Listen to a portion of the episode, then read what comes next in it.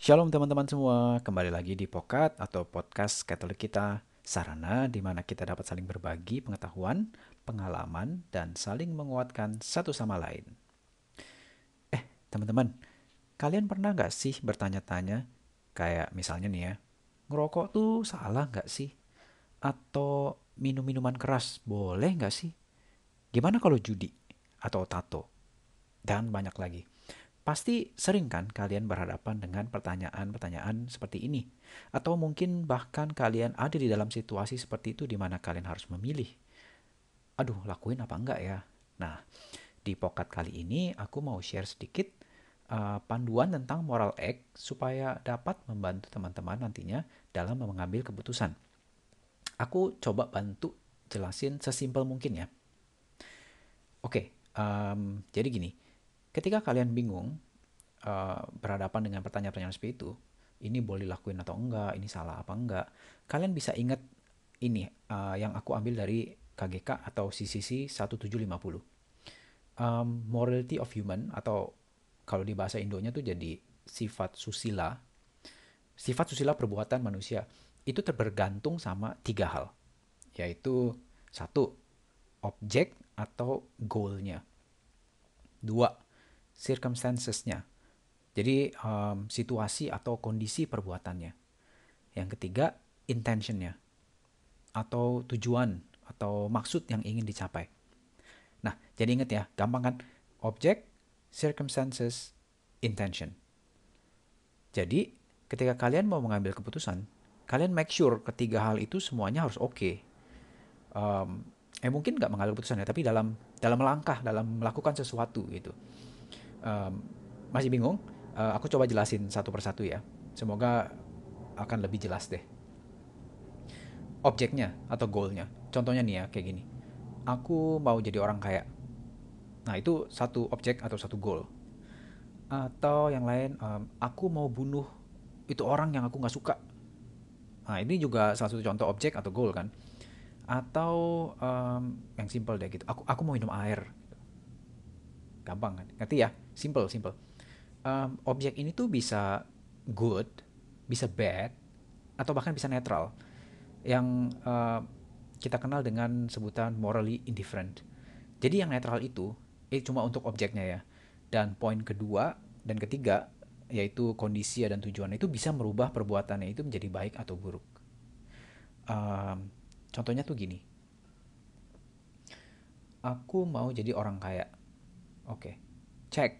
Cek dulu nih. Ini oke okay nggak ya? Oh ya ini ini oke okay kok. Bagus. Nothing wrong. Oke. Okay. Good. Centang. Next. Intensinya itu supaya aku bisa ngebantu orang-orang yang membutuhkan. Cek lagi nih. Oh, uh, ini juga oke. Okay. Oke okay banget malah. Oke. Okay. Next. Uh, circumstancesnya. Aku mau jadi orang kaya untuk bisa membantu orang yang membutuhkan dengan cara korupsi. Kita ngecek nih wah nggak boleh kan? Not okay tetot jadi perbuatannya termasuk tidak susila gitu kan. Um, circumstances itu gampangnya gini nih kalau kita mikirnya tuh kayak apa ya?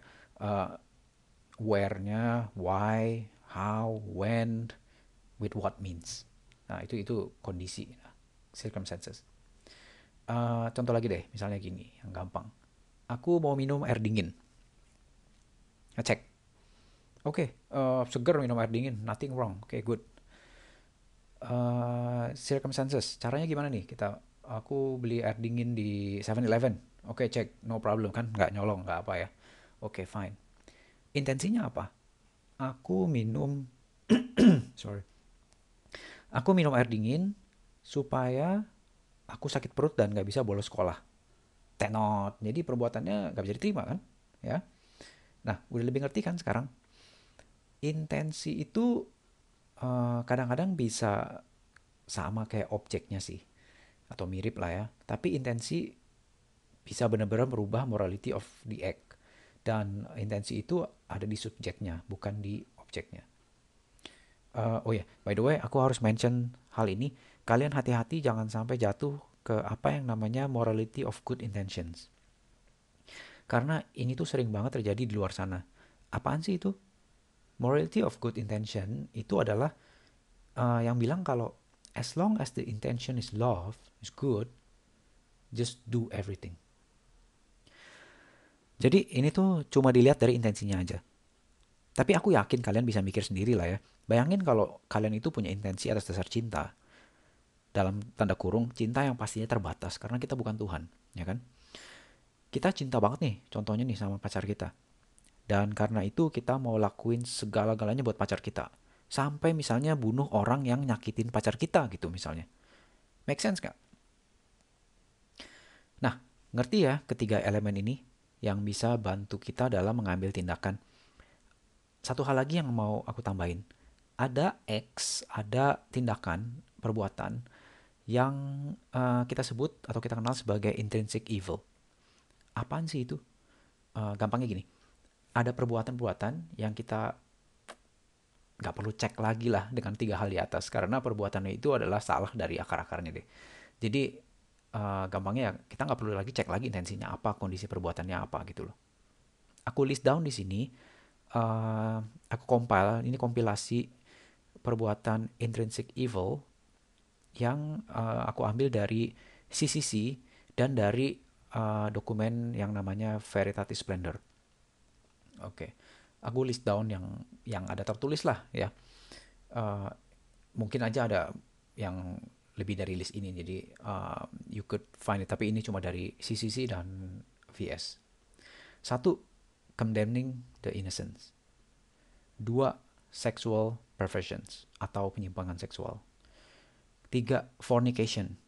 Fornication ini adalah seks luar pernikahan ini nggak boleh ya. Jadi nggak perlu cek lagi intensinya apalah atau apaan lah kondisinya dan lain-lain.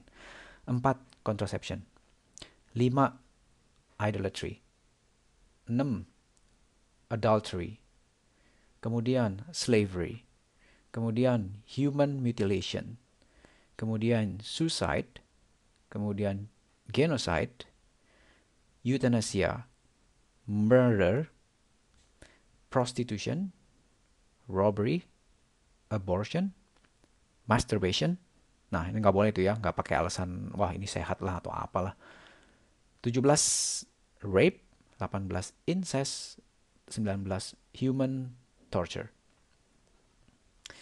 Jadi kalau kalian berhadapan dengan situasi perbuatan di atas, um, ini lumayan gampang. Jadi sebenarnya ya nggak perlu mikir lebih panjang lagi deh. Itu udah tahu salah. Jadi jangan dilakuin. Oke. Okay.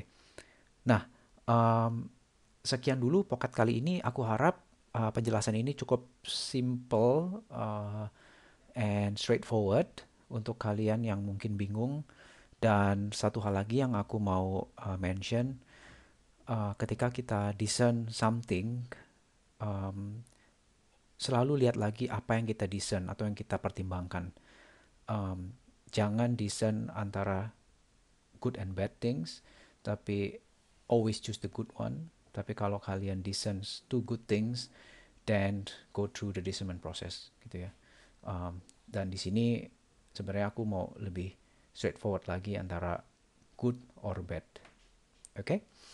Aku tunggu feedbacknya di DM Instagramku at wardi.pio.jerat. Thank you for listening and God bless you all.